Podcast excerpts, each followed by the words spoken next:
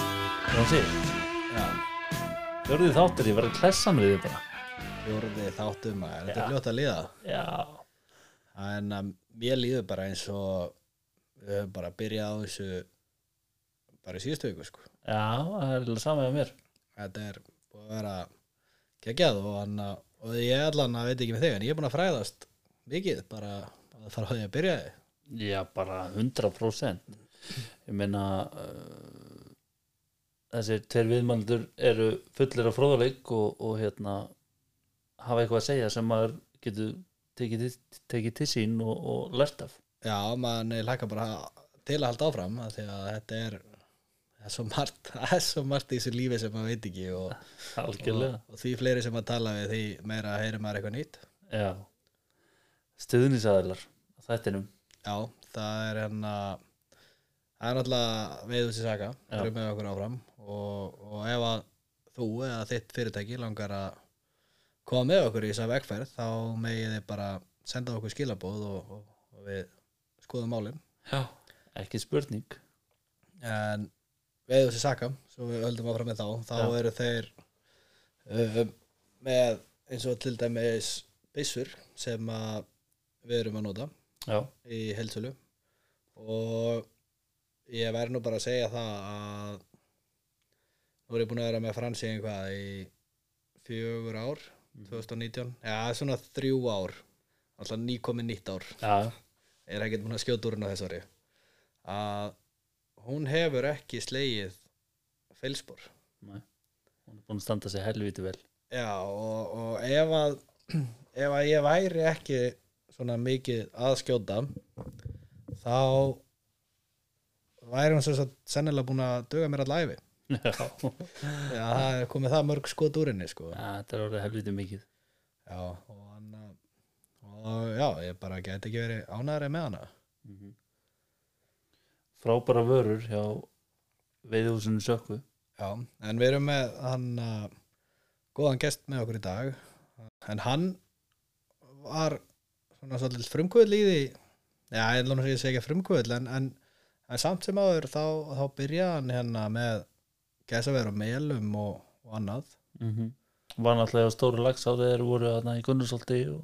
Já, já, búin að vera með, með puttan í þessu ymsu og hann uh, og margir eitthvað þekkjan sennilega fyrir stanguðina, það eru búin að vera blöðri því líka þannig að ég ætla bara að kynna þið til leiks Ertu velkomin Stefan? Já, takk fyrir að bjóða mér. Já, bara takk fyrir að koma Mín er ánægjan. Við hann uh, ætlum bara að byrja á sama og við byrjum alltaf já. Já. hvernig þín veiði vegferð hefst Já, ég náttúrulega er fættur fyrir norðan og alveg upp á Akureyri Já, og hérna, ég var nú svona bara einn af þessum skrýtnu krökkum sem fekk bara brjálaði veðudellu bara í fæðingu Já. og var heppinn með hérna að pappi, hann svona var með veðudellu og byrjaði að taka mig mjög ungan Já, já, og þetta byrjaði svona aðalega í stangveiði svo náttúrulega var maður á bryggjunni og svona heima og, og svo þegar maður fór að hafa aldur til þess að, að hérna, vera með skótopna þá náttúrulega kveikti það alveg svaka dellu líka strax já. tók þá pappiðinni með Nei, hann var ekkert í skotviðinu og hefur ekki verið sko Nei, ok, já, en ég var einhvern veginn voðalega veikur bara strax fyrir skotviði sko og pínu fyndi að segja frá því að, að hérna, einu sinni þegar ég var sko mín fyrsta gæði sem ég veiti ég var 12 ára gamall og ég var að veiða bleikju í á sem myndi Þorvastalsá fyrir norðan já, og svo þegar ég kemnir í ós og þá er eitthvað byrjað að kveikna svona einhver skotviðið alla og veið eitthvað annað en bara bleikjur og laxa og svona og Já. hérna og svo þegar ég kem hann inn í ós þá sé ég fullt af grágæs og ég hugsa bara, heyrðu það er skurðurinn og ég ætla, ég ætla að prófa að skrýða í skurðinum og reyna að ná einni gæs já, og hérna, svo fer ég hún í skurði maður og ég skrýð og skrýð og kíkja alltaf reglulega upp og sé að gæsin er ennþá fyrir bakkan sko. svo kemst ég að þeim og stekk upp og hleypa eftir þeim og næ í einni og, ha, og næ ég að snúa hann úr hálslið sko. bara byssulös já, en það skrýtna við að var sko að gæsina flugu ekkert í burtu Já, það er svona bara drösluðust ekkert undan og svo út á og, og fór í burtu bara eins og gæsir í sárum sko. já, svo er ég voðalega ánæði með mig þarna maður og hitti félaga pappa og fyrir eitthvað að monta mig og hann voða ánæði með mig og svo stuttu setna þá allt í henni sjáum við einhverju konu koma laupandi þetta nýrðir og hún var brjáluð sko og þá voru þetta sko grágæsi sko sem var búið að kli, klippa sko Já, og þetta var, já, vangstífaðir og það fynda við þetta var það sko að, að félagi pappa, hann þurfti sko að borga mig út það var sagt að hann já, sektaður sko og hérna, þetta var hálf vandralett en við fórum upp á bæ og fengum kaffi og þetta endaði nú allt í góðu sko ah, okay. en svona upp úr því að þá fekk ég voðalega mikla dellu fyrir skotveið og ég var ábygglega 16-17 ára þegar ég kefti sko fyrstu byssuna mína og það var í gegnum frenda minn já, og hérna hann var í byssuleifinu og svo náttúrulega var ég náttúrulega byssuleifis lög sko og maður að vera alveg fyrir norðan með þetta langa mikla rjúpna tíðanbíl sem var á þeim tíma þryggja mánuða tíðanbíl þannig að maður hafði alveg mikið frelsi og fullt af fjöllum alls þær í kring já, þannig að þú veist, ég var bara húgt á þessu sko alveg strax þannig að já, þetta er svona eins og við koma að sinna hann að í fyrsta þætti Þú veist, það er líka alveg smá skrítið og meir umverulega ekki fara byssu leifislaus á veiðar með þess að svona vottuðum aðila eða einhverjum sem að er, þú veist, frendin, pappin Já. borraðamaður, eitthvað Ég er alveg sammálaðið því. Mér finnst líka sko til þess að kenna til þess krökkum að veiða ábyrgt og annað þá finnst mér sko best ef að börn færi með fóreldrum sínum og myndu læra að umganga skotvopn og allt í kringu það með fóreldrum sínum sko. algjörlega Algjörlega. og ég meina þetta er oft tíðkast sko í mörgum ættum og þannig að og það sérstaklega hérna fyrir fleiri árum heldur en í dag að, að, að þá fengu oft, oft og þá yfirleitt voru það strákar sko fengu kannski byssu í fermingagjöf bara mjög algeng, Já. mjög algengt sko þá, þú veist, og fóru síðan með á pappa sínum um haustið eða, já, og eða veturinn á rjúpu eða gæs eða eitthvað svona að fá, já, já, fá að byrja sko já, já, einmitt. manstu hvað gerð fyrsta byssaðin var já, já, það var bækald tvíleipa Já, undir já. yfir já, keipt í kaupfélaginu já, já, það getur fyrir henni heima sko en það já, já. er gullgripur sko já, áttan ennþá nei, Nei. Ég einhvern veginn hef aldrei fengið þessa svona græju dellu varandi þetta Nei. byssur og svona sko. Að því maður þekki nú, því þekki eflust ábygglega rosalega marga sko sem að hafa aldrei selt byssu sko. Já, já. Já. Og hérna ég mann ég var að tala um við eitt bara já, ég sagði hvað, þú átt ábygglega 100 byssur, já. Ég seldi nú einu sinni byssu og ég sé ennþá eftir því sko. og hérna ég er ekki alveg þar sko en ég á náttúrulega alveg fullt af byssum sko já, en fyrir mér er þetta svona bara verkfæri frekar eldur en eitthvað svona sem ég er að strúka á dástað sko, já, eins og tala út úr okkar hjarta bara hamarinn sko Já, bara Veist, ef það þarf að reyka niður stöður þá notum við þetta til þess að reyka já, niður stöður það er alveg, ég er alveg þar sko sko. já, alveg bara 100% sammála já, eh, svona hvernig hóst þessi vegferð þín í, í veiðilefasölu og, og, og þessu sko, ég var alltaf ég ætlaði nú alltaf bara að vera sjómaður já, og var á, hérna byrjaði frekar ungur að fara var á hérna samherjatórun fyrir norðan já, og náttúrulega var með K-veiðidallu sko þannig að á sömri var maður náttúrulega að veiða mikið og átti náttúrulega fullt af pening líka þegar maður var í svona hálauna vinnu sko á sjónum já, svo datt ég í það bara að byrja að gæta já, í lags þá já, gæta, gæta í lagsviði og hérna og s- það var held ég kringu 97 sem ég byrjaði að gæta og svo í- bara jógst þetta og jógst alltaf sko já, og svo upp úr 2001-2002 að þá var ég eiginlega bara byrjaði að vinna hjá skrifstofu Lagsá já, og hérna og var þá náttúrulega bara svona í sölu mennsku og svo leið sko og hérna svo náttúrulega er maður bara búin að vera svo lengi í þessu núna maður eiginlega kann eiginlega ekkert annað nema þetta sko næ, ég skilji Þetta er- hvað ertu múnar lengi þá? 20 ára eitthvað, já 25 ári eða hvað 25 ár já, Já, þá Og trúið svoleiðis. alveg því að já og maður byrjaði bara já ungur sko Já, bættir þá fljótt, fljótlega við eins og úr þessum sko lagsveiðileifum yfir í, í þessi gæsa veiðileif sko máli var það eiginlega að maður var að vinna við lagsveiði og silungsveiði já, og svo nota maður skotveðina svolítið svona þú veist það var mitt game sko já, ég skilji en maður var að vinna við hitt Já. við að gæta og selja veiðilefi og svoleiði sko Mhm. og þá, einmitt þið þekki alveg sjálfur sko, þú veist, eins og að vera að fara eftir vinnu klugum fjögur á daginn, skreppa einhvers staðar við á eða eitthvað liggja og sk- það skiptir ekki einu svona máli hvort maður veið eitthvað sko, maður Nei, kemur alltaf bara- heim og er bara betri maður einhvern veginn Ja, eftir sko, alg- alveg, algjörlega. tilbúin að fara heim og skúra og eitthvað svona sem maður bara jóka fyrir sálina já, já, nákvæmlega Já, já. og þetta svo náttúrulega þróaðist þetta bara svona svolítið áfram og það voru allt, við vorum alltaf að fá einhverja útlendingar sem voru að koma og gæðis Já. þú veist, alltaf tvo, þrjá hópa eða eitthvað og þú veist, það var bara alltaf með sko Mhm. og svo hérna hvena var það, það var 2010 eða eitthvað þá hefur sambandið með Axel Gissurásson Já. sem að er Reykjavík Gunnarsholt Mhm. og hérna var með hugmyndir um Gunnarsholt og, og eitthvað og, og við náttúrulega bara tókum þátt í því og hérna tókum þá Gunnarsholt og, og hérna það var alltaf gaman um þetta að byrja svona það var alveg sko svona nýsköpunar dæmi á þeim tíma að byrja allt í einu að leiða eitthvað svæð og fara að selja bara veiðileifi með gætum og svona sko Já. Þannig ertu hjá Lagsá eða já ekki? þannig er ég á Lagsá Já. og hérna og gekk bara vel og við fórum hana fórum til dæmis til Nashville á hérna svona Duck Unlimited hérna svona ráðstefnu sem var ótrúlega skemmtilegt og þá sá maður hvað þetta er ógeðslega stór heimur sko Já. miklu miklu stærra heldur og bara til ekki peningar og svona sko í þessum bransa Já.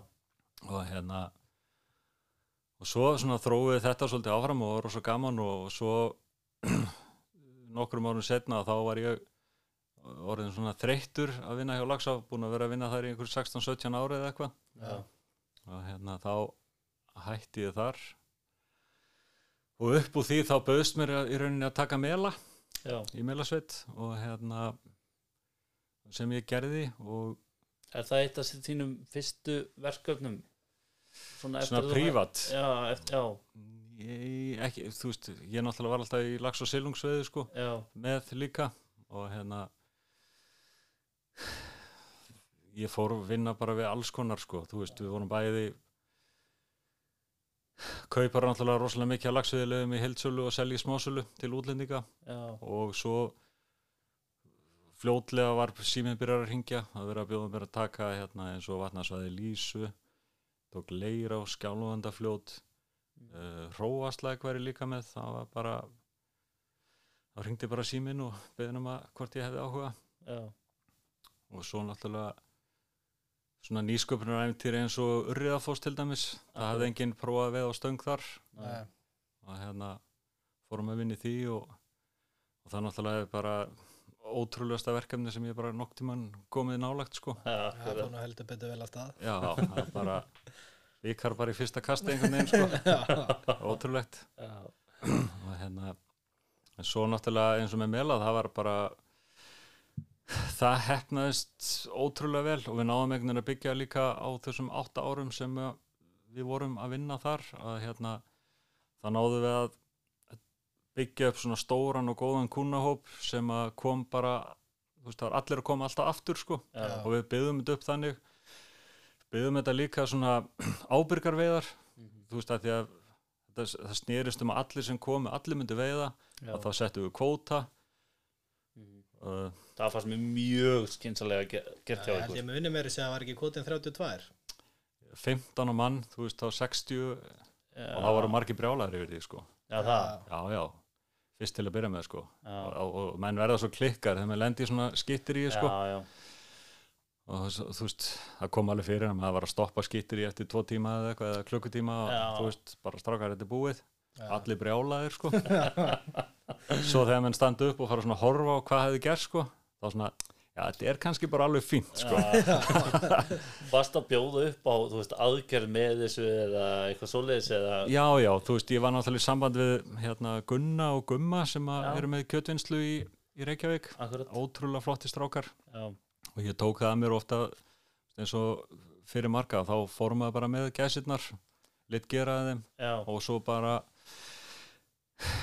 sótti maður og skilaði af sér sko já, já, já Ég held að það sé líka mjög, mjög sterkur leikur fyrir marga sem að, hérna, bæði nenni ekki og, og kunni ekki já, einmitt, einmitt, einmitt finnast gaman að fara að veiða en, en hérna og, og hafa náttúrulega ekki aðstöðu til kannski já, nákvæmlega, já, nákvæmlega uh, Þetta tekur líka bara tíma að læra að gera það sannlega og, algjörlega og ná að praða og svona sko. algjörlega menn er, að reyna, menn er að reyna að gera þetta svona þannig að þetta sé ætilegt Já, einmitt, einmitt.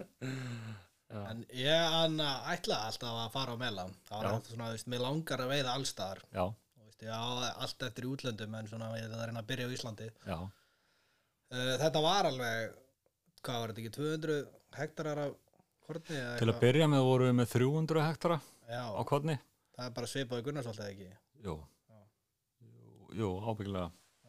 Svo svona fór þetta minkandi eitthvað með árun, þetta var svona fyrstu árin sem við vorum hann að þá var gríðaleg rektun og hérna svo lendu við bara illa í því sko, þetta ringdi einhvern veginn niður og þetta er ekki á þú veist, undirlendið þarna er bara mold sko, svo þetta er búið að regna mikið þá er erfitt að hyrða af þessu Mhm. það bara dúar allt undir þér, sko maður meira að segja sko að brasast við það, maður gæti ekki farið á neinum tækjum inn á akrana eða neitt sko Næ, eða Það er ekki bara sexuál eða eitthvað nei, ég var ekki með neitt svoleiðis nei, nei, nei. þannig að þetta var stundum alveg hell sko, hverjum einsta mótni að hlaupa líkar við Jesus, gæsir og maður, hundra gerfi gæsir og móka hólur og koma í grindum fyrir og Já, svo er þetta svo stórt svæði að þú ert ekki að móka bara eitt byrgi sko nei, vindáttundar er mismunandi, mismunandi veiðisvæði þannig að þú ertir alltaf fyrir hvert einasta skiptir í að græja þannig að það er alltaf bara tveir tímar á mótnana já, gæsin á mismöndi stöðum alltaf Já, og, já, já, já, já. já, En var hann að,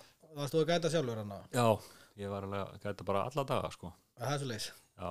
og það er taldið fyndið þegar að þú veist að hugsa þetta tilbaka þú veist ég var hann í átta ár og maður var að veiða svona hundra daga kannski á ári hverjum einasta degi og maður er kannski búin að eyða reikna þetta svona lauslega, maður er kannski búin að eyða þremur árum af lífi sínu bara að móka skurðið og voru að skjóta gæs bara þarna sko og þá var allur hinn fyrirlin eftir sko já, já, En, en voru þú veist, eins og þeir varst með kuna og þá sérstaklega íslenska kuna, já um, voru þeir ekki, þú veist, að hjálpa þér og... það var lítið ég líka nefnt ekki að standa í því sko það, er, það var meira vesen sko já, það er bara betra að mæta þarna tveim tíum fyrir græja allt, svo kannski láta það hjálpa þér sér með að sitja hálm í grindunar eða eitthvað svoleiðu sko, eitthvað einfalt já. Með, þetta er aðal sportið. Það er að, það er að græja, sko. já, já, Við vorum nú með bandaríkjumann hérna í haust og hann var alveg æstur í að alveg að taka 100% Já, vera þátt í með, þessu, já. Þau ekki það við vorum að taka upp tætti og hann er mikill veiðmaður en, en maður svona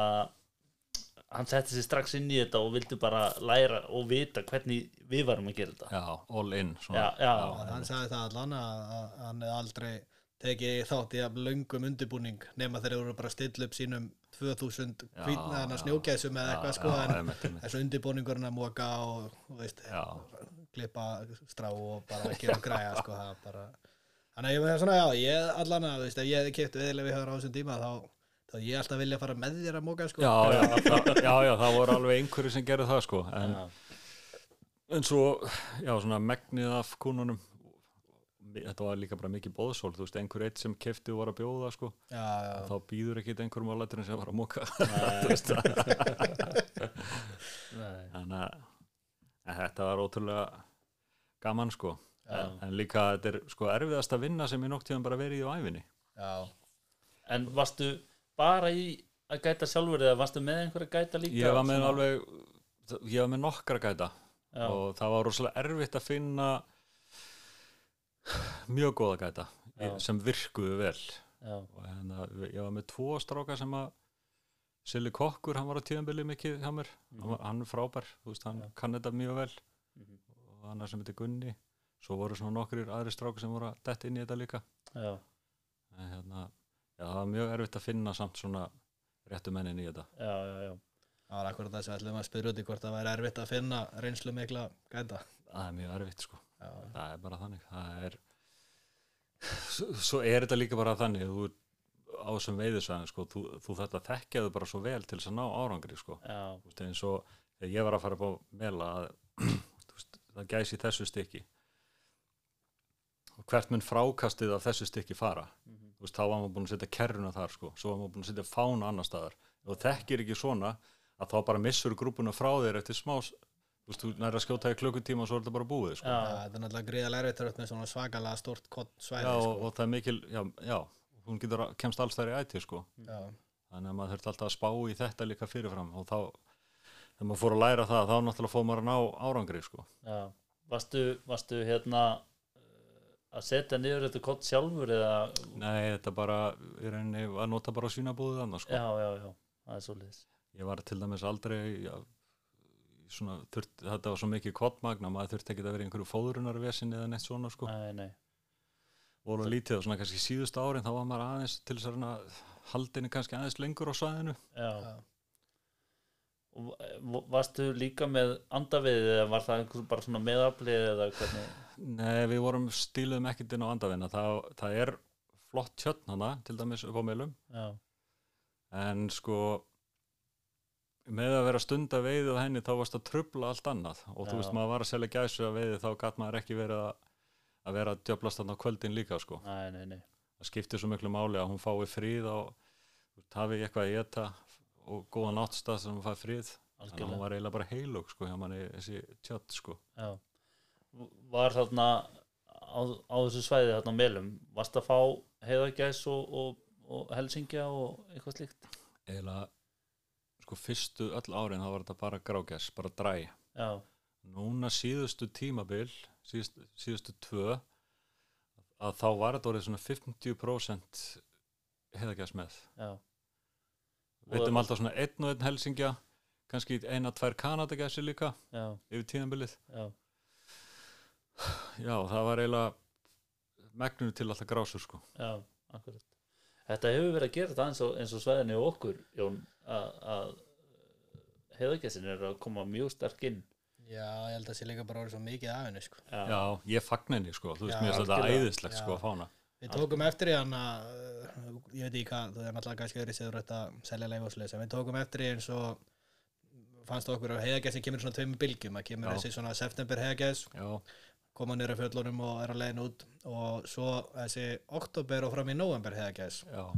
og það, við vorum að klippa hann á engi og senda í Arnur Já, og það virðist vera sko grænlandsfuglin já, já, já. sem getur það verið, þú veist, munurinn á þú veist, og þá er oft veðurfari orðið, orðið svona, Já. getur kannski lendið að kemur tíu dagar á sunnanátt sko og Já, hún er kannski komin að Grænlandi og þá hengur hún lengur já, einmitt, einmitt, einmitt. það er svona, En það er aldrei magnaðis upp á meðlum, sko, það eru náttúrulega heimagæsir sem er heimaðar Já, og þær eru ekkit vittlausar, sko, nei, og þú ert ekkit að veiða þær voða mikið, sko, þú nær ekki að bomba fyrst á það svona í september og eitthvað svona, sko. já, Svo var eiginlega bara, aðal veiðin er eiginlega bara fugla sem er að ferða, sko. já.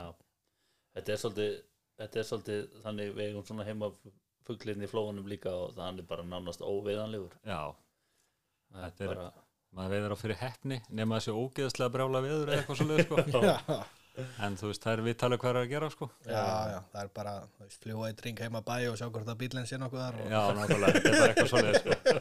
Já, já. það verðast vera ótrúlega gáfaðar. Já, en það það er verða mjög gamlar, gæsir sko Já, já, já. man ekki hvað að verða það er elstu gamlar sko einhvers að, einhvern veginn að þær eru hatt í þrítúar eða eitthvað sko Já, og þær verða það ekkit ef þær eru vittlusar sko nei, ekki séns. Þetta er eins og hérna, ma- maður hefur stundum verið að fylgjast með inn á síðunni hérna, það sem Arnur er búin að merkja, GPS-merkja þér. já, Já, það er alveg ótrúlega magnaðar að vera að hætta sig inn á hættulegustu skotviði svæði á Íslandi og svo er það að sleppa já, einmitt, ár eftir ár eftir ár ótrúlegt sko já, þetta er ótrúlega skemmtilegt voru það að skjóta mikið að mertum fugliðana?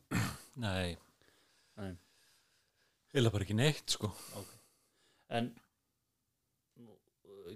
grákessin þarna er hún þarna allt árið um kring eða? Nei, það er eitthvað sem að á heima þarna á svæðinu já, ekki, ekki mikið en svona bara strax í byrjun september um leið og kottni fer að svona aðeins að gulna sko, þá byrja maður að sjá eitthvað gæs já, en, en svona utan þess tíma er ekkit vola mikið gæs hann og ég held að til dæmis að meðlarni þeir voru að soga nánast allan borgarfjörðin til sín já, og kvalfjörðin og svo líka mýrarnar, það er náttúrulega ekki nema kílómetri þarna yfir, þú veist, yfir sjóin sko já, já, já, já, já. þannig að þú veist þetta, já, þetta, þetta var bara segull fyrir alla þessa fyrði þannig kring sko. já, já bara það sem er mest að væti er líka ekkert mikil kontrakt hann í kringa alls ekki sko, það er lítil samkefni þess vegna var þetta svona rosalega gott líka sko. já, þetta hérna eru allt öðru sem svo kemur hann í þykva bæði að landi þannig það sem þetta er bara kollstykki við kollstykki og þú veist, veist, þá er mikil samkeppni sko. já, já. Já, ég, ég kerði einhvern veginn hann að svona skoða þetta hana, þá hann að, já, þetta er eiginlega bara einu, já, það eru hann að tveir bæir hann að lifa liða, þetta er bara eiginlega einu bæirni sem voru við einhverju ræktun, sko Já, já, belgsóltamelar Já, bara það er þannig. rétt. Uh, en fannst þér hann að mikill munu, nú ertu náttúrulega öruglega þekktari fyrir stongaðið lefin allan í dag, já, já, finnst þér vera mikill munur á, þú veist gæsa við leifisölu og bara lags og silung þegar ég var að byrja þá lendi maður alveg í svona endalusum durtum sko sem voru að kvart yfir því hvað það var að vera með kvóta og hnuss og svona yfir því sko og, og hátt verð og alls konar sko Já. en svo bara með árunum þá einhvern veginn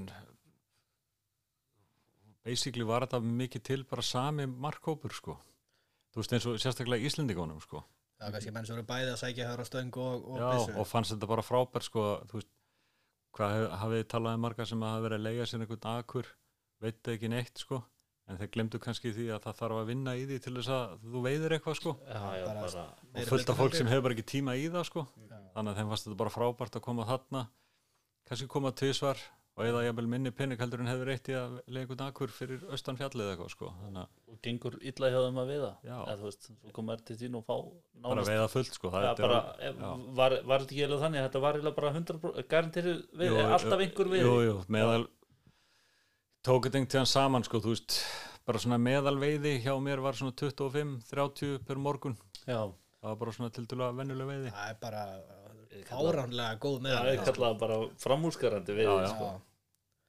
Já, já, þú veist, bara maður sem gæsa veið maður, hvað fær maður marga núltúra á ári sko, Já, ég segi þú það veist, sko. það eru, þeir eru mjög margir sko en maður man aldrei eftir þeim sko Nei. Nei, nei, það er- það er- það Nei. er- þetta er með svona, þannig að, ég veit ekki hvort þú er sér búin að hlusta á þættinu sem var að gefa þetta, en það var einu síðasta þætti með Kjartan Antons, hann, hann var að tala um að konana sem er dagatali yfir allt sem hann gerir í rjúbu. Já, Við erum einmitt með eins dagatal með allt sem við gerum í gæs, þannig að við munum actually mjög vel eftir núltúranum alveg langt fram, eft- langt Já. aftur í tíman. já, já, en það er enna en já, mér veit þetta alveg, þetta eru alveg rosalegar tölur sko, sérstaklega hvað þið voru að skjóta hvað, annað hvern dag ekki og fyrst þegar það var að byrja sko, þá var ég líka með belgsolt fyrstu árin, Já. þá veit ég hverju með einslega degi alltaf alltaf bara til skiptis já, Já, eða bara þú veist það sem gæsin var hverju sinni sko. já, já, og svo eftir að Belgsolt fór frá mér sko þá vorum við að veiða annað hver dag alltaf Já. voruð aldrei að skjóta á tveim stöðum í einu Nei, ge- gerði það ekki vegna þess að þú veist það, að, að því að það er rauninni mátt ekki alveg sko þú mátt ekki berja hann alveg frá þér nei, skilur nei, nei. og þetta er ekkit rosalega stórt svæði þannig að séð þó að þó þetta sé alveg fullt af kotni en hún svona, maður reynda virða hennar frið sko, fyrstu árið þá f- byrjaði maður annað hver dag svo fann maður út að það var allt í lagi að veiða hvern einasta dag sko, Já, þannig að maður fór svona daldið vallega í þennan dans til að byrja með sko akkurat. og svo svona f- fundi, reyndi maður að finna svona rithman, hvað var í, í lagi sko, Já. þannig að varstu að bjóða upp á uh, byssur og svoleiðis, varstu að lána byssur og já, ég var alveg tölvört með tölvört að finnum Já. og rússum alltaf þeir voru yfirleitt bara að leigja byssur sko og þá, ég álega slattaði byssum sem að maður var að leigja þá Já, ok En þegar þið varst að lenda í þessu eins og segir að missi belgsvald, hvað er það mörgum árum árun og, og hættir hann að tveimur árum áður en að já, síðast liðin tvö ár sem ég var í, á meðlum þá var ég bara með meðla Já, og, og var þá er að skjóta í takt við þig í belgsvaldi já, við erum bara þegar félaginn tók að- hérna Belsólt að leigu að þá bara hefði ég samband og við bara sömdum um það að hann myndi skjóta á slettum tölum dögum sko Já. og ég myndi bara skjóta á ottatölu dögum já, og þá einhvern veginn var þetta vinn-vinn fyrir okkur báða Já, það er einmitt að séu að belja það er svolítið vondir og Já. ert með svona þess að tvær stæðstu jarðir og Já. eða ef að hinni myndu kannski bara banna veiði eða eitthvað þá, þá já, er þetta já. svolítið erfitt og það var basically bara þannig þegar ég skaut og flög þetta oftast yfir til Bel- yfir í Belsolt sko já, svo var hann að skjóta daginn eftir og þá flög þetta yfir til mín sko Já. og þannig varum við bara að spila ping-pong eða sko já, Allt veist já, já, allt höstið sko já. Akkurat uh, Fannst þér vera munur á uh, þú byrjar aðna og þú hættir Fannst þér vera munur á grákessastofninum? það er eiginlega ekki alveg að marka að spurja með vegna þess að sko fyrst til að byrja með þá var svo gríðaleg kortrakt á svæðinu, þú veist, Já. þá var til dæmis á melum voru 300 hektarar og, og belsolti 100 hektarar Já, og hérna svo var þetta kannski komið niður í 100-150 samtals já ok þannig að en sko til að byrja með sko fyrstu árin þá maður bara trúði ekki magninu á gæðis Nei. að þetta var það og svo náttúrulega eins og uh, til dæmis fyrstu tvö árin sko þá þá voru ekki slegnir með, þú veist það var ábyggla 150 hektar sem voru ekki slegnir að því að það bara varð undir einhvern veginn í veðri og þ- hún bara festist þarna Já, gæsin og hérna og þú veist við skutum alveg langt veginn í desember og svo, þú veist svo bara flautaði maður þetta af að þetta var orðið svo ógeðslegt fannst manni sko já, Ah, já, þetta var bara mörder mörder alla daga sko já, þannig að þið hafði aðeins verið að passa upp á þetta líka náttúrulega með kvotanum og, og já, já, það var eiginlega þannig sko já.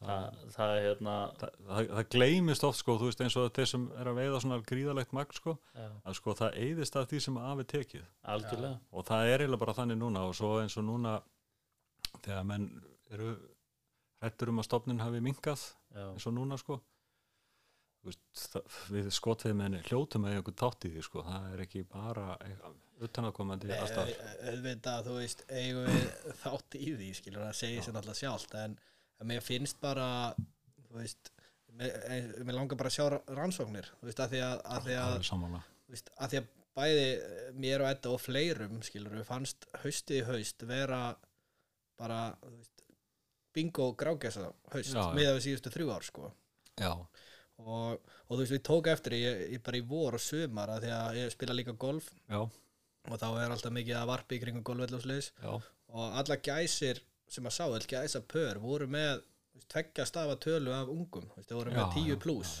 Þetta var þetta um, ég held þess ekki að fara með rangmála að frá upphafi hjá Arnóri að þetta sé staðista unga hlutfall sem hann hefur séð já, Já, þetta var hann- alveg, hann- maður sá, maður sá alveg upp í átján unga sko, bara, Já, það var aldrei gaman að því sko því að við náttúrulega erum að rekka yttir ranga og Já. hérna það er gríðalegt gæsavarp kringum veiðústöðar já, Ok, og það var alveg óhemið magn núna og meira þess að Arnur kom já, með net og við fórum og hjálpuðum honum að veiða unga í net og hann merti, ég man ekki hvað marga 16 unga eða eitthvað já, já, og setti, sendi og svona ok og manni fannst ekki lítið að gæs alls ekki sko, þar sko nei. en, það, en þú veist eins og melum það var, það var miklu miklu minna gæs og hún var bara horfin kannski var þessi fuglaflensa sem að snerti þann þess- þennan vesturlandstofn eitthvað mikið sko Já, þó að kannski hafi ekkit endilega snert stofnin sem er hérna á Suðurlandi sko Nei, nei. S- svo er það líka kannski þú veist, þú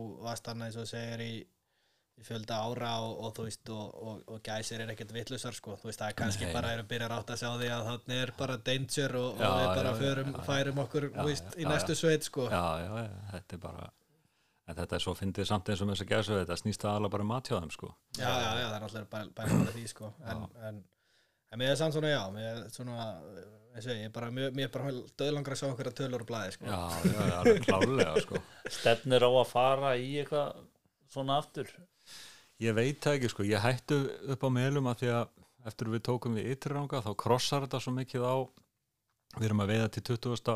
oktober í ytrirranga Já, og það er náttúrulega bara eins og að reka fristitóra þetta eru þú veist, 22 laxastangir, 8 sérungastangir þetta er bara svo mikið mikil vinn árið já, og ég er ekkert að yngjast neitt sko þannig að nei þetta rýfur alveg í sko Já, já, Já, já. maður ma skilur það mjög vel Já, þannig að en þú veist ég mun aldrei hægt að veiða Nei, nei. á byssu, Nei.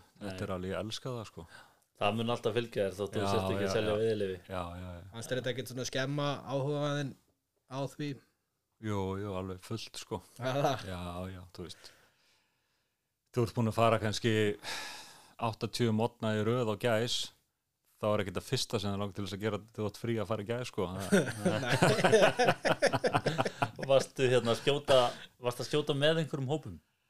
Eh, Ég reyndi að gera það ekki Nei, ekki nefnir að vera búið það já, og hérna, það var nú alveg stundum þannig að það voru svona ungir menn að koma og þú veist, svo kemur gæs á hópurinn og allir alveg út úr spendir sko já, og þú veist, bara, svo, lo- bara loka mun augunum og bara blamma eitthvað upp í loftið sko já og það kom alveg fyrir að maður sagði ég strákar hér, ég ætla aðeins að fá hjálp ykkur sko. já, svo kom maður sér fyrir, aftur, fyrir aftan á jafnvel og það tók svo ding ding ding já, svo klappaði maður fyrir hvað voru góður að skjóta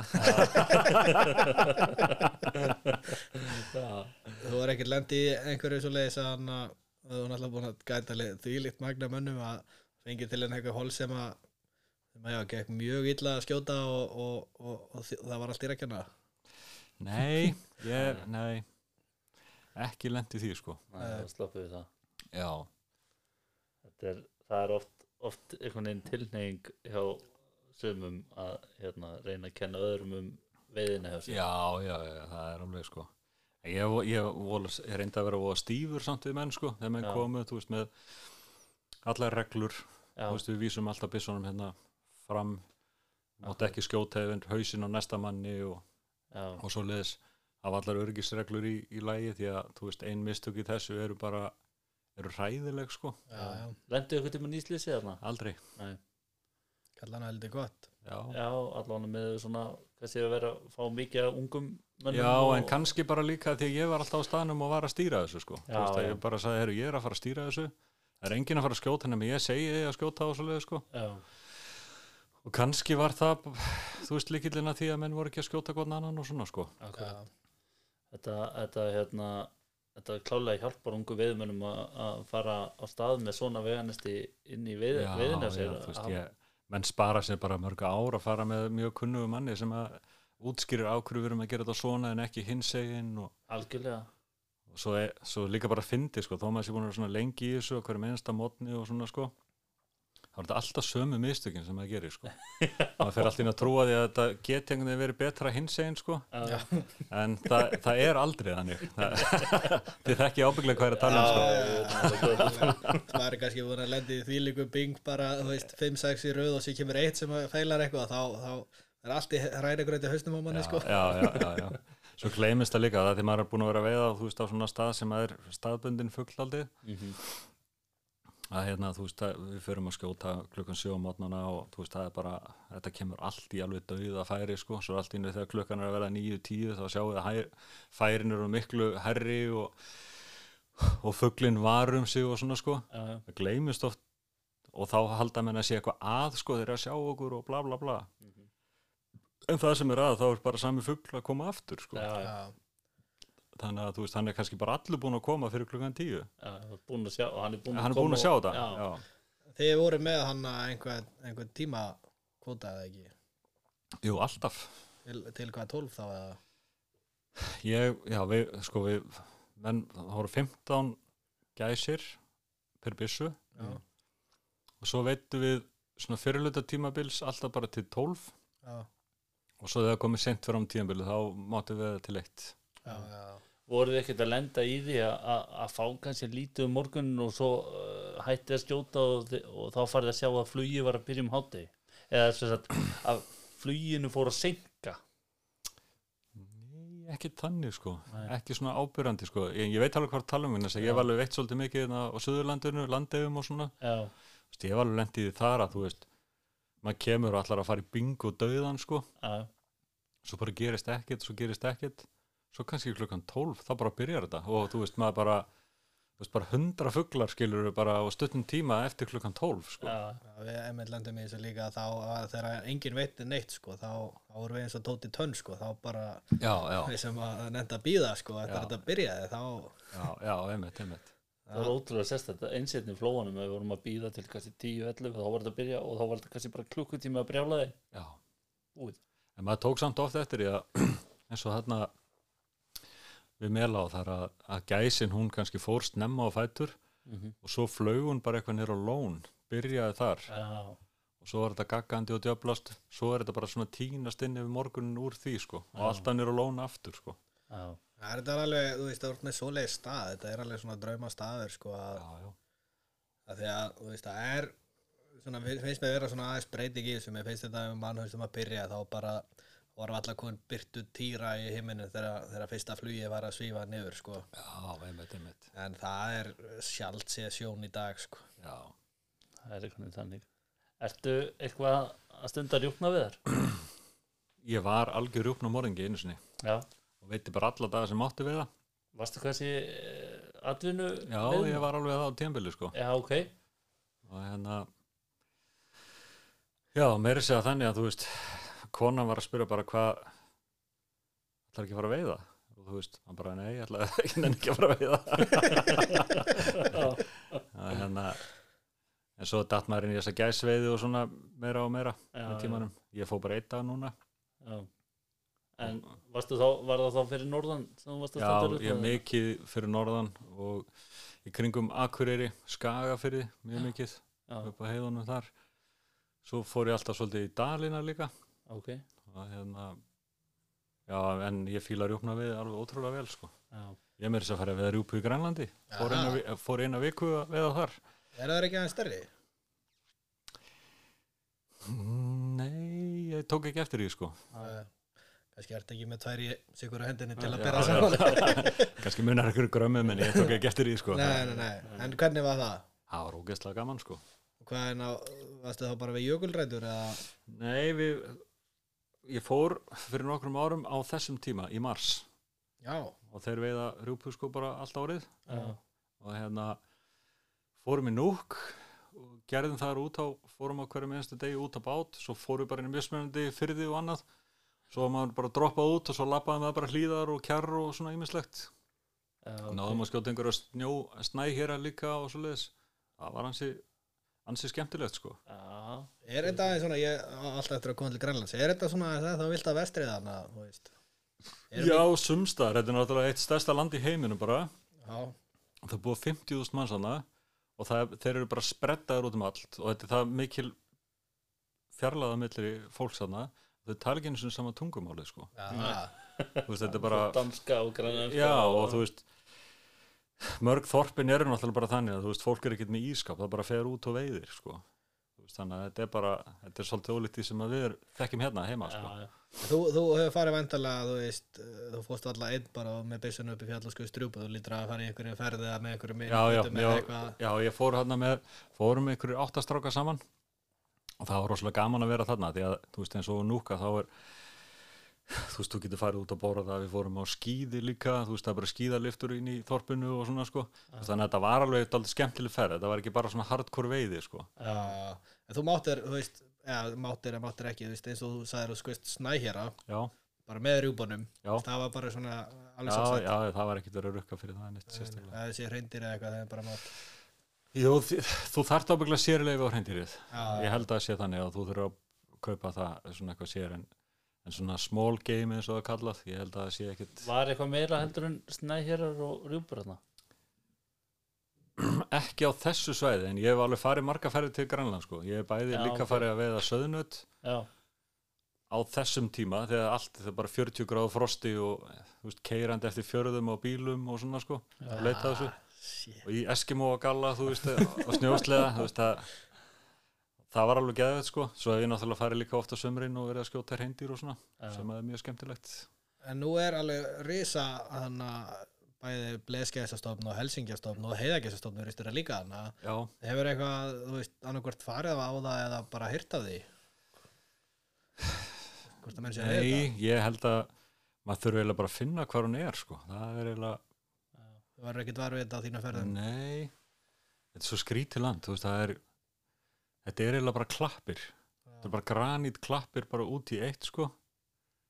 ég hef aldrei séð gæs annað sko, þegar ég hef verið Nei. Ég ekkert um að sá ég eitthvað vídeo en þá voru þeir að hlaupa á eftir einhverjum kanadagæsum en ég hef ekki séð neitt annað sko. nei. En alltaf helsingin verpir náttúrulega í klöpum. já, já, Þannig að hann- eða þú veist, ég bara, þú veist, ég væri til að fara hana í bara mánar ferð sko, veiða bara allan fjandann sko. Þetta er, já, þetta er það er bara alltaf svona, bara ævintýra land við já, þetta er, það er það líka það er bara að þú ert að sigla þarna sko.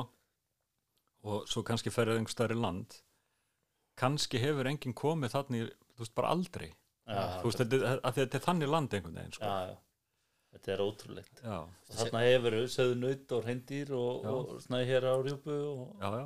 er ekki bara búið hann á suður hlutunum, þú veist, það er, Jú, það er uh, búið alveg svona upp undir mitt Grænland. já, já, núk er hann að segist það ekki.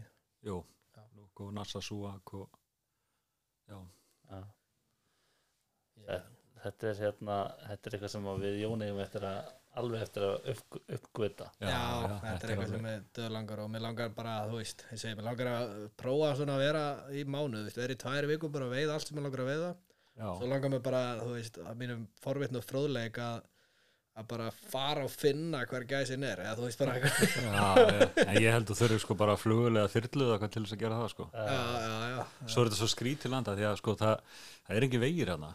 ekki. Nei, það er, það, í sumum þorpum er kannski bara svona fram og tilbaka. Þú veist, það er allt og sumt. Já, menn um farum alltaf bátumann Já, þú veist bara, afrits fjölskylda, hún er bát, hún er ekki bíl sko. Þannig að menn eru bara á bátum að þvælast þarna um sko. en út að við erum kominir út fyrir landsteinuna hvernig hefur verið að fara mikið erlendis að viða Já, ég hef verið svona forvitinn sko, Já. farið við það sko. Ég hef farið til Spánar, Portugals, Króatíu, uh, ég hef farið til Nebraska í bandaríkunum að veiða gæs og, og önd. já, ok, Og svo hef ég líka farið að veiða elg í Colorado og já, ég hef bara gert alls konar sko. Finnland líka, verið að veiða einhverja, einhver dýr þar og já. já, já, ég hef búin að fara alveg út um allt sko. og hvað er svona, myndur þú segja, að standa upp úr? Ef þú ert að gera eitthvað af þessu aftur. Ég er til í að fara að veða villisvín alltaf. Það er svo leiðis. Já. Þú ert að því í spánu eða, Já, en ég hef svona farið nokkru sem núna nokkra ferðir til Kroatíu. já, Það er svona ekki svona rosalega dýrt nei, nei, nei.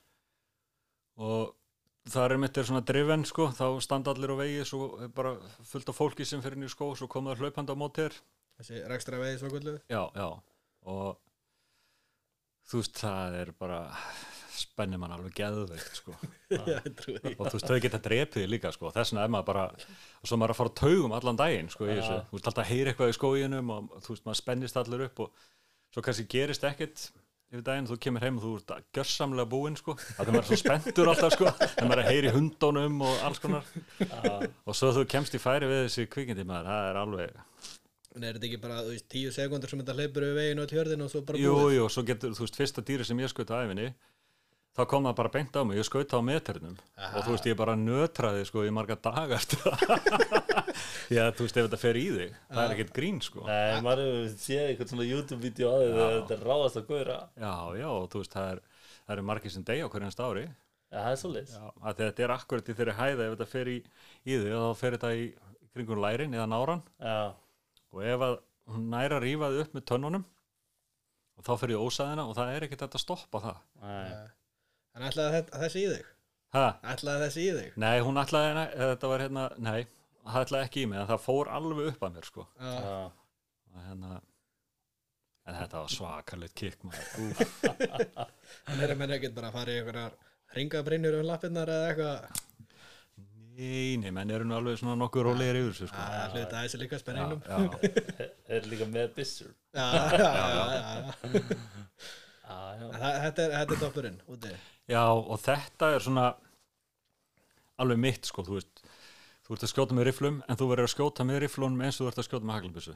Það er bara að lifta á negla, og ef þú hugsar, og þá ert orðin að setja. Það er bara, það er bara þannig. já, Ertu að Bara leik, eins og jump, jump, skilur það. já. ertu að, þú veist, hvað er þetta löng færi? Svo er þetta svona... Þú getur alveg verið að taka þetta á meturnum og upp í 150, það svona fer bara eftir póstunum sem verðt Mhm. þú veist það sem við höfum verið að veiða til dæmis í Króatíu að það eru vola þjætti skóar þá er maður bara 20 metrónum eða eitthvað svona sko Já. já. Ertu að með eitthvað sikti, reddótt eða eitthvað svo leiðis? Nei, ég, ég er svo ekkert að pæla í þessu ég fælt bara ránaði byssu og svo bara Já, já. notaði bara það sem ég er með Já, þú- já, þú ert það er ekkert bara að að bomba fara- Þú ert ekki að taka þínar eigin byssur með út Nei, eða neitt svoleiðis, nei, nei, nei ég nenni því ekki það auðvitað er það gáðulegast að gera það en það þetta fylgir þessu bara oft svo mikið vesin að vera að ferðast með skotvopni gegnum svona international flugvelli og svoleiðis Já, það er eiginlega bara að taka svona skreppi túr innan já, gesalappa. já og fá, að- fá þetta leikt sko Það Já, er bara- það er- það er kannski eina vitið að maður er að fara í svona ferð já. En er þetta ekkert veitt í svona, hana, svona turnum? eins og Jú, maður jú, segir? jú, jú, það er líka gert sko ég hef alveg gert það líka en þetta er miklu meira svona dundur sko Já, það er ekki rekstra við turnunum, það er bara fyrir sátið þannig. já, í rauninni þá er þetta ofta bara beitu eða eitthvað svoleiðis sko já, já. Hefur einhvern tímann prófað hérna fasana viðar? nei, ég Já, er það það er- eftir Já, það er eitthvað sem að ég væri alveg til að prófa en svona eftir að ég fór einu sinni á hérna retriever mót í Danmörku og það Já. var verið að skjóta mikið af fessanum ég var svona eh, þetta var svona smá eins og þetta væri bara eh, svona búrdýr eða svoleiði sko Já, já, já, já. þetta var svona Þetta er, við veiðum mikið í Skotlandi sko, bæðir lags og förum alltaf að veiða rádýrar já, og hérna, þú ert að fara um skóðin sko, þá eru svona fóður stöðar út um allt fyrir hérna, fyrir fasanan mm þeir koma bara á vorin með fullt af ungum og styrta niður svo bara fóðastöðar já, já. og svo er, þú veist, rekstur á þessu allt árið kannski fyrir tvö skittur í Já, já. svo, hérna, já, einhvern haustin þá er bara einhver sem kaupir allt hólið og svo er rekið og allir með bindi og flottir og svona sko, og með tvíleipur bara, side by side og alvöru já, já, þetta er, Hefur ekkert, hefur ekkert skotið í Skotlandi fyrst og verið hana mikið jú, að- hver einst ári já, já. Hvað er þetta að skjóta þar? rádýr, Skjóta rándýr, rádýr rádýr já, ródýr Ródýr, já, ég líka Ég ætla bara að spyrja þig hvað rándýr ég er það eru svona litli bambar Já, og hérna þau eru allir sér ekki bara svona hálfu metra á hæði eða eitthvað sluðið sko já, ok og, og þetta er þannig s- þetta er kannski kallað stolking eins og það er kallað Já, að þá er það þannig á kvöldin og snemma á mótnana að þá fara þau inn á svona grasballasvæði þau eru alltaf inn í þéttum skóinum Mhm. svo bara í svona byrtingu og þegar að, að dimma þá fara þau út til þess að geta gras og svo leiðis já og þú ert að finna þau að þau eru stygg og svona þannig að þetta er að- frekar skemmtilegt sko Mhm. Ertu, er þetta hérna trófí eitthvað, er þetta að uppstoppa Nei, ég er eiginlega ekki þar sko Nei, maður hefur séð það upp hjá sem, sem er að vera að stunda þessar rótir við að eru með þvílíkt mörg hotn eða eitthvað svo leiðis Ég, ég, á, ég á náttúrulega alveg endalus hot sko já, já, af þessu, en ég er ekki sko þú veist að þeim er alltaf keppi í stærðum í þessu sko já, já, að hérna, þú veist, ef þú veiðir gullmedalíð og þú veist, þá kostar það bara fullt sko, já, þannig að ég vil eitthvað ég fer að veiða eins og þetta, þá segir ég bara I don't want any trophies, já, já, en þá bara veiðir einhverja svona meðal hot sko, já, já, þannig að maður er á einhverju tugi að því sko já, ég skilji En þú- Það er fyrir ekki, já, ég má spyrðu já. Já, þannig að þú ert, þú ert meira að gera þetta bara til að veiða eða svo, þú veist Já, þetta er bara gaman sko, Já, og þetta er bara, við höfum einmitt verið að blanda þessu saman með lagsveiði sko, Já, þarna á, á vorin þannig að það er bara ógislega gaman sko já, Ég ætla að skvilla mér nefnilega aftur til Grænlands Ég hann var fórhundin núna þegar þú sagðir að hann hefði veitt reyndirleika Grænlanda ekki Jú, Hvernig finnst þið munurinn og líka veitt á Íslandi vantala já, já, alveg margótt og, og hvernig finnst þið svona munurinn, veist, eru þau stærri eða minni eða bara alveg eins eða ég, ég held að séu stærri trófi á Grænlandi hotnin og svona Já, ég held það og líka ég, ég, hel- já, ég held þessu mjög svipið en mér minnir einhver hafi sagt mér að, að þú veist að tarfandi geti verið þingri sko. Já, er ekki líka meira af reyndirum hann á? Jú, jú, jú, þetta er náttúrulega sko það sem ég hef verið að stunda hreindir að við þar hefur verið á búkarinn hjá Stefánu Magnúsinni já, hann er náttúrulega með mörg þúsund hreindir sko og hreindir að við einn snýst kannski vola mikið um það að fara út í einhverja útegjar og annað sem að borga sig ekki að vera að smala fyrir hann Mhm. að þú veist að veiða þau dýr sem er ekki hægt að smala sko Já, já, já, og, hérna, og sem er alveg geðvægt æfintýri þú ert að sigla meðfram jöklónum og svona og þetta er alveg magnað sko þetta er svo sterk og mikil náttúra sko þetta er bara, þú veist, ég veist ekki hvað búin að horfa mikið á YouTube myndböndum bara af Grænlandi, sko, ekki eins og tengt veiði, sko, já, þetta er já, bara já, fantasíu heimir fyrir mér, sko. já það er, en það er það þetta er alveg bara þetta er ótrúlega náttúra sko Já. Ertu eitthvað að selja veiðilegið þangað? eða? nei, ég hef ekkert verið að því nætt núna svona, ekki núna á síðust, síðustu ár sko Nei, nei, nei, það varst eitthvað í því, eða? já, já, Í Þá í fisk eða, já, bara bæði hvað varst að selja þá? Varst að selja til Stefáns? Næs. uh, já, við vorum að selja á honum og svo náttúrulega náttúrulega eins og þegar, við vorum, þegar ég var að vinna hjá Laxá þá náttúrulega byggðum við upp hérna þetta kamp já og þá náttúrulega fóðum maður endalust marga ferðir á þeim tíma Var það, var það lagsá sjálft sem að byggðu upp þessar búðir eða? já, Ok, og er í- ábyggilega með einhvern leigusamning en þá við Stefán Magnússon sko já Já, það, þetta er satt inn á jörð frá honum eða Já, slíkt. já. já, já. ég ætti að fá Stefán Magnússon í Við spjallinu erum búin að, eða ætlum að reyna það, sko. Já, já, hann, hann- hann er í, hann er í Reykjavík sko Eh, Núna? hann, hann, Já. er, hann er búin að hann kemur í þátt til okkar við erum búin að hafa samband við hann og hann er klár Já, það líst vel á það, hann er svona mikill sögumæður og svona sko. já, hann hérna það er líka svo margt sem við viljum fara út í spurningar og annað með Grænland sko. Já, hann veit allt. Já, það er alveg já klárt mál. kannski bara að spura aðeins svona fyrir hann því að þetta er eitthvað sem að maður er bara eða allan að ég sjálfur er bara að deyja sko, þetta er svo Já. spennandi eitthvað að, Já. að fara hann út fyrir, út fyrir landstæðmanina sko. en hvernig hefur þá verið að taka með kjöt að þú ferð þarna út Já, eitthvað sko, þetta er eiginlega, ég held að landslögin séu þannig að þú mátt koma með þrjú kíló af kjöti. Ég veit ekki alveg hvort sem er, hvort þessi þrjú eða fimm kíló eða Já, eitthvað leðis. Allt sem þú kemur með meira en það, þá þarf að borga held ég 2000 kall á kíló eða eitthvað í toll on á hvert kíló. já, Þannig að yfirleitt hefur maður kannski bara tekið með sér fylli og þú veist, e- eitthvað svona bara góðan bita sko. Já. E- Mhm. eiga fyrir smikla yfir. hinu til landsins Hvað séru? þú er ekkert smikla Nei. hinu til landsins Ég fyrir allan ekki að segja það hérna. nei Nei, þetta er svona, út af að nú, núna eru hækkandi veiði leifi á, á reyndirum hérna á Íslandi og, og þetta er kannski eitthvað sem að fólk á eftir að fara að nýta sér ennþá meira. Já, já, og svo er líka bara alls konar skotveið bara um allan heim sem að er ekki svona dýr sko. Nei, alls ekki. Já, þú getur gert margt fyrir þú veist, 300 skall þú veist, í Evrópu og allstaðar sko. Já. þannig að Þegar þú varst í að lagsa, voru þið þá að bjóða upp á ferðir eitthvað út til annar landa heldur en Grænlands? já, já, við, við basically vorum að selja bara, bara allt sem að var hægt að selja sko. Já. Og var það eitthvað inn, inni hjá þér líka hjá Æsland Outfitters? Já, já, við erum náttúrulega við höfum- erum náttúrulega alltaf með einhverja ferðir þetta er Já. eins og við förum alltaf til Skotlands að skjóta Já, það er bara fastur liður eins og vennilega já, Króatíða líka við reynda að fara í nóvember á hverjast ári já. í villisvín Og er, En þú veist, er þetta er það samt selja ekki- mörg pláss í það eða? Já, þetta eru svona tíu pláss kannski hvert skipti sko Ok, Og- en þú veist, þetta er, maður lítur samt ekkit á þetta endilega sem businessin hjá mér sko þú veist, þetta er eiginlega bara að því mig langar að fara já, og þá er ég að taka hérna einhverja, reyna að velja þá einhvern svona skemmtilegan kjarnar með mér já. Andi sé gaman sko Akkurat, það er- eh, þetta snýst um það. Já, S- sérstaklega fyrst eins og þú segir, þú ert búin að setja svona hann að skotu hérna meira í forgang upp á að njóta já þetta er bara, já, já, þetta er bara mitt, mitt drögg eins og maður segir sko já, þá er hann þá er svona betra að vera með skemmtilega hóp með Já, sér já, já, Ertu að gæta sjálfur eitthvað í lagsinum? ég er að reyna að gera það ekki Nei. en svona ég kemst ekki alveg upp með að gera það ekki Nei, Svo þetta eru svona nokkrar svona VIP grúpur sem maður þarf að vera með. já, já. Þannig að þú ert ekki alveg hættur að gæta eftir að, eftir að hættur í gesinni. Nei, nei, nei, nei, ekki alveg sko. En Veist, er auðveldur að gæta í lags heldur en gæs? já, það er það. Já, Það, það er svo mikið rútína sko í, í hérna lagsveðinni sko og þú, þú ert bara, þarft að fara á þín svæði klukkan eitthvað og þú fer bara að ferði gegnum það og svoleiði sko. já, Gæsin er einhvern veginn þannig að það er náttúrulega allur undirbúningurinn fyrir veiðina sem er næstu, finnastu bara heitt sólarhengur í undirbúning áður en að veiðin byrjar, formulega. akkurat. Já, já.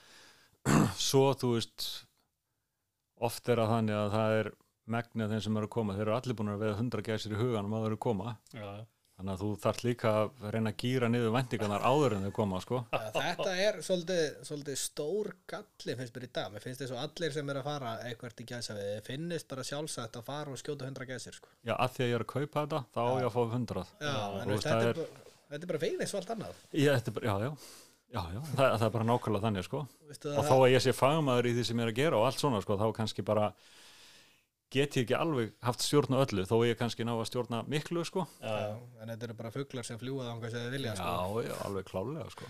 Mér finnst þetta átt svona, þú veist, það er engin held ég sem að gera sér þær væntingar að kaupi sér til dæmis að dag í lagsveiði að hann fari og veiði hundra lagsa sko. Já, eða já. þú veist, Já. þeir hollið saman eða eitthvað það væri bara bingo og æðislegt Já, og já, þannig já, skilur já. hann þetta er einhvern veginn svona alveg fast í mönnum að bara, já, ég er búin að kaupa leifi og þá ætla ég bara að fara hérna í Já, eitthvað já. fjöldamorð og Já, já, svo þú veist, eins og fyrstu árun upp á meðlum þegar maður var að selja þá hafði ég ekki svona gæta skilduðan eitt svo leið, sko, Nei, og þú varst að tala um eins og voru alveg hundvanir, sko og þú veist, þeir voru ekkert að hlusta á þig, þú varst að reyna, að- þú veist, að gefa þeim einhver góð ráð og svona, sko, já, og svo var bara hringduður um morgun og það er ekkert að gerast og svo fór maður kannski eitthvað að krifja hvað það voru að gera, sko þá mættu þau kannski með fjórar gerfigæsir og eitthvað, þú veist en við erum venlega með 100-150 undir sko Já. og þú veist kannski bara á móti vindi líka sko með uppstillinguna, þetta var allt öfugt á það og allavega sko Þú veist, þannig að, Já, bara ekki nóg vel faldir eða eitthvað já sko, og þú veist það bara, já Settur þú svo gætaskildu á þetta alveg bara Já, það var eiginlega bara miklu einfaldara að hafa það þannig, þannig að það bara veitu allir og það var allir glaðir, Já. það er bara Akkurat já. En já, þetta er hann að og það er miklu einfaldara að vera í business þegar allir ánæður í kringu heldur en þegar menn er eitthvað að væla Algjörlega, bara 100% uh, Stefán, við viljum þakka þér kærlega fyrir komuna Já, takk fyrir að bjóða mér og hérna, þetta er búið að vera mjög fræðandi og skemmtilegt að- að fá að ræða og spjalla við um þetta Já, takk